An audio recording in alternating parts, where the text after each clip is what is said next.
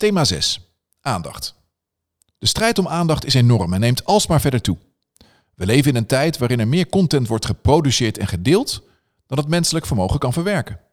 Zo groeide de digitale mediaconsumptie in de Verenigde Staten de afgelopen jaren bijvoorbeeld met 4%, terwijl het aanbod in diezelfde periode steeg met 46%. Men kan het gewoon niet meer bijhouden. Deze ontwikkeling, die ook wel content shock wordt genoemd, stelt merken voor een grote uitdaging. Hoe krijg je in de toekomst nog de aandacht van je doelgroep? Kwantiteit lijkt bovendien steeds vaker boven kwaliteit te gaan. Want mensen zijn weliswaar over steeds meer verschillende onderwerpen geïnformeerd. Per onderwerp weten ze minder. Ze nemen en krijgen simpelweg niet voldoende tijd om onderwerpen uitgebreid te doorgronden. Ter compensatie gaan mensen daardoor hun onverdeelde aandacht steeds meer reduceren en drijven weg van oppervlakkigheden. De behoefte aan oprechte en onverwachte aandacht groeit en merken die aandacht willen, zullen de competitie moeten aangaan op diepgang en betekenis. Alhoewel de enorme overprikkeling van informatie mensen meer en meer richting een aandacht- en informatiedieet beweegt, blijkt het in de praktijk nog niet eenvoudig om te minderen. Ons brein is namelijk verslaafd aan nieuwigheden en beloont de zoektocht ernaar zelfs door de afgifte van dopamine, hetzelfde stofje dat vrijkomt na eten, seks en het gebruik van drugs. En dat zorgt ervoor dat mensen zichzelf tevreden en beloond voelen als ze bijvoorbeeld reageren op notificaties van een smartphone of de oneindige timeline op Facebook continu verversen. Technologie speelt dus een hele sterke rol en zorgt continu voor afleiding.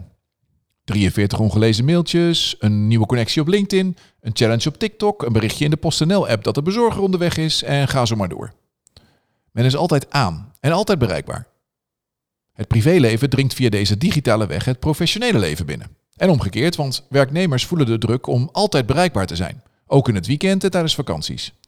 Niet voor niets zijn er in Nederland al cao's afgesloten, waarin voor werknemers het recht op onbereikbaarheid is opgenomen. De gevolgen van al die prikkels zijn niet mals, want mensen raken steeds gestrester. Burn-out zijn inmiddels beroepsziekte nummer 1 geworden. Maar liefst 1,3 miljoen Nederlanders heeft last van burn-out klachten en 17,3% daarvan is tussen de 25 en 34 jaar oud. Mensen kunnen het gewoonweg niet meer aan en raken opgebrand. En door de coronacrisis is de druk nog verder toegenomen. Zo blijkt uit onderzoek van Eén Vandaag uit september 2020 dat 60% van de mensen door corona in toenemende mate last heeft of heeft gehad van mentale klachten zoals piekeren, stress en depressiviteit.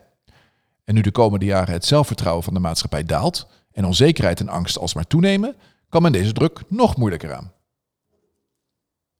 Men gaat steeds meer beseffen dat aandacht en tijd hele schaarse goederen zijn, waardoor er zorgvuldiger en selectiever mee wordt omgegaan. Mensen gaan op zoek naar manieren die helpen om aandacht te geven aan hetgeen echt belangrijk en betekenisvol gevonden wordt. Van FOMO, de fear of missing out, naar YOMO, de joy of missing out. Het lijkt erop dat men er steeds vaker voor kiest om dingen te missen en niet up-to-date te zijn. En als mensen ergens bewust voor kiezen, dan krijgt het ook de volle focus en oprechte aandacht. Met gestandardiseerde en geautomatiseerde aandacht komen merken niet meer weg. Mensen ontwikkelen steeds meer aversie tegen bedrijven die ongevraagde aandacht opeisen. De menselijke maat wordt de nieuwe norm. Men zoekt echte persoonlijke aandacht, waarbij het draait om erkenning, empathie en waardering. Logo's veranderen in gezichten, want menselijker betekent ook dat de personen achter het merk een prominente rol gaan spelen, waardoor de mentale afstand tussen merken en hun klanten kleiner wordt. Dat kunnen echte mensen zijn, maar door slimme technologie, zoals bijvoorbeeld AI en deepfake, zijn robots, chatbots en andere digitale assistenten straks bijna niet meer van echte mensen te onderscheiden. Aandacht gaat ook steeds meer over het herkennen van specifieke behoeftes. Rekening houden met en inspelen op individuele behoeftes of behoeftes van specifieke groepen of segmenten. Van een app die mensen helpt bij het vinden van cafés en restaurants met een lage soundprint, tot de prikkelarme avondopenstellingen van het Rijksmuseum, dienstverlening wordt steeds meer op maat ontwikkeld. En datzelfde geldt voor producten. Want waar mensen in het tijdperk van zelfvertrouwen hun eigen kleurcombinaties van hun sneakers konden kiezen, gewoon omdat het kon, draait het bij het personaliseren van producten in dit decennium juist veel meer om de betekenis die fabrikanten eraan geven.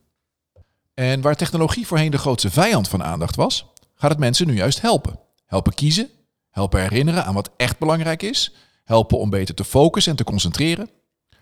Succesvolle applicaties zetten in op minder in plaats van op meer. Minder notificaties, minder schermtijd, etc.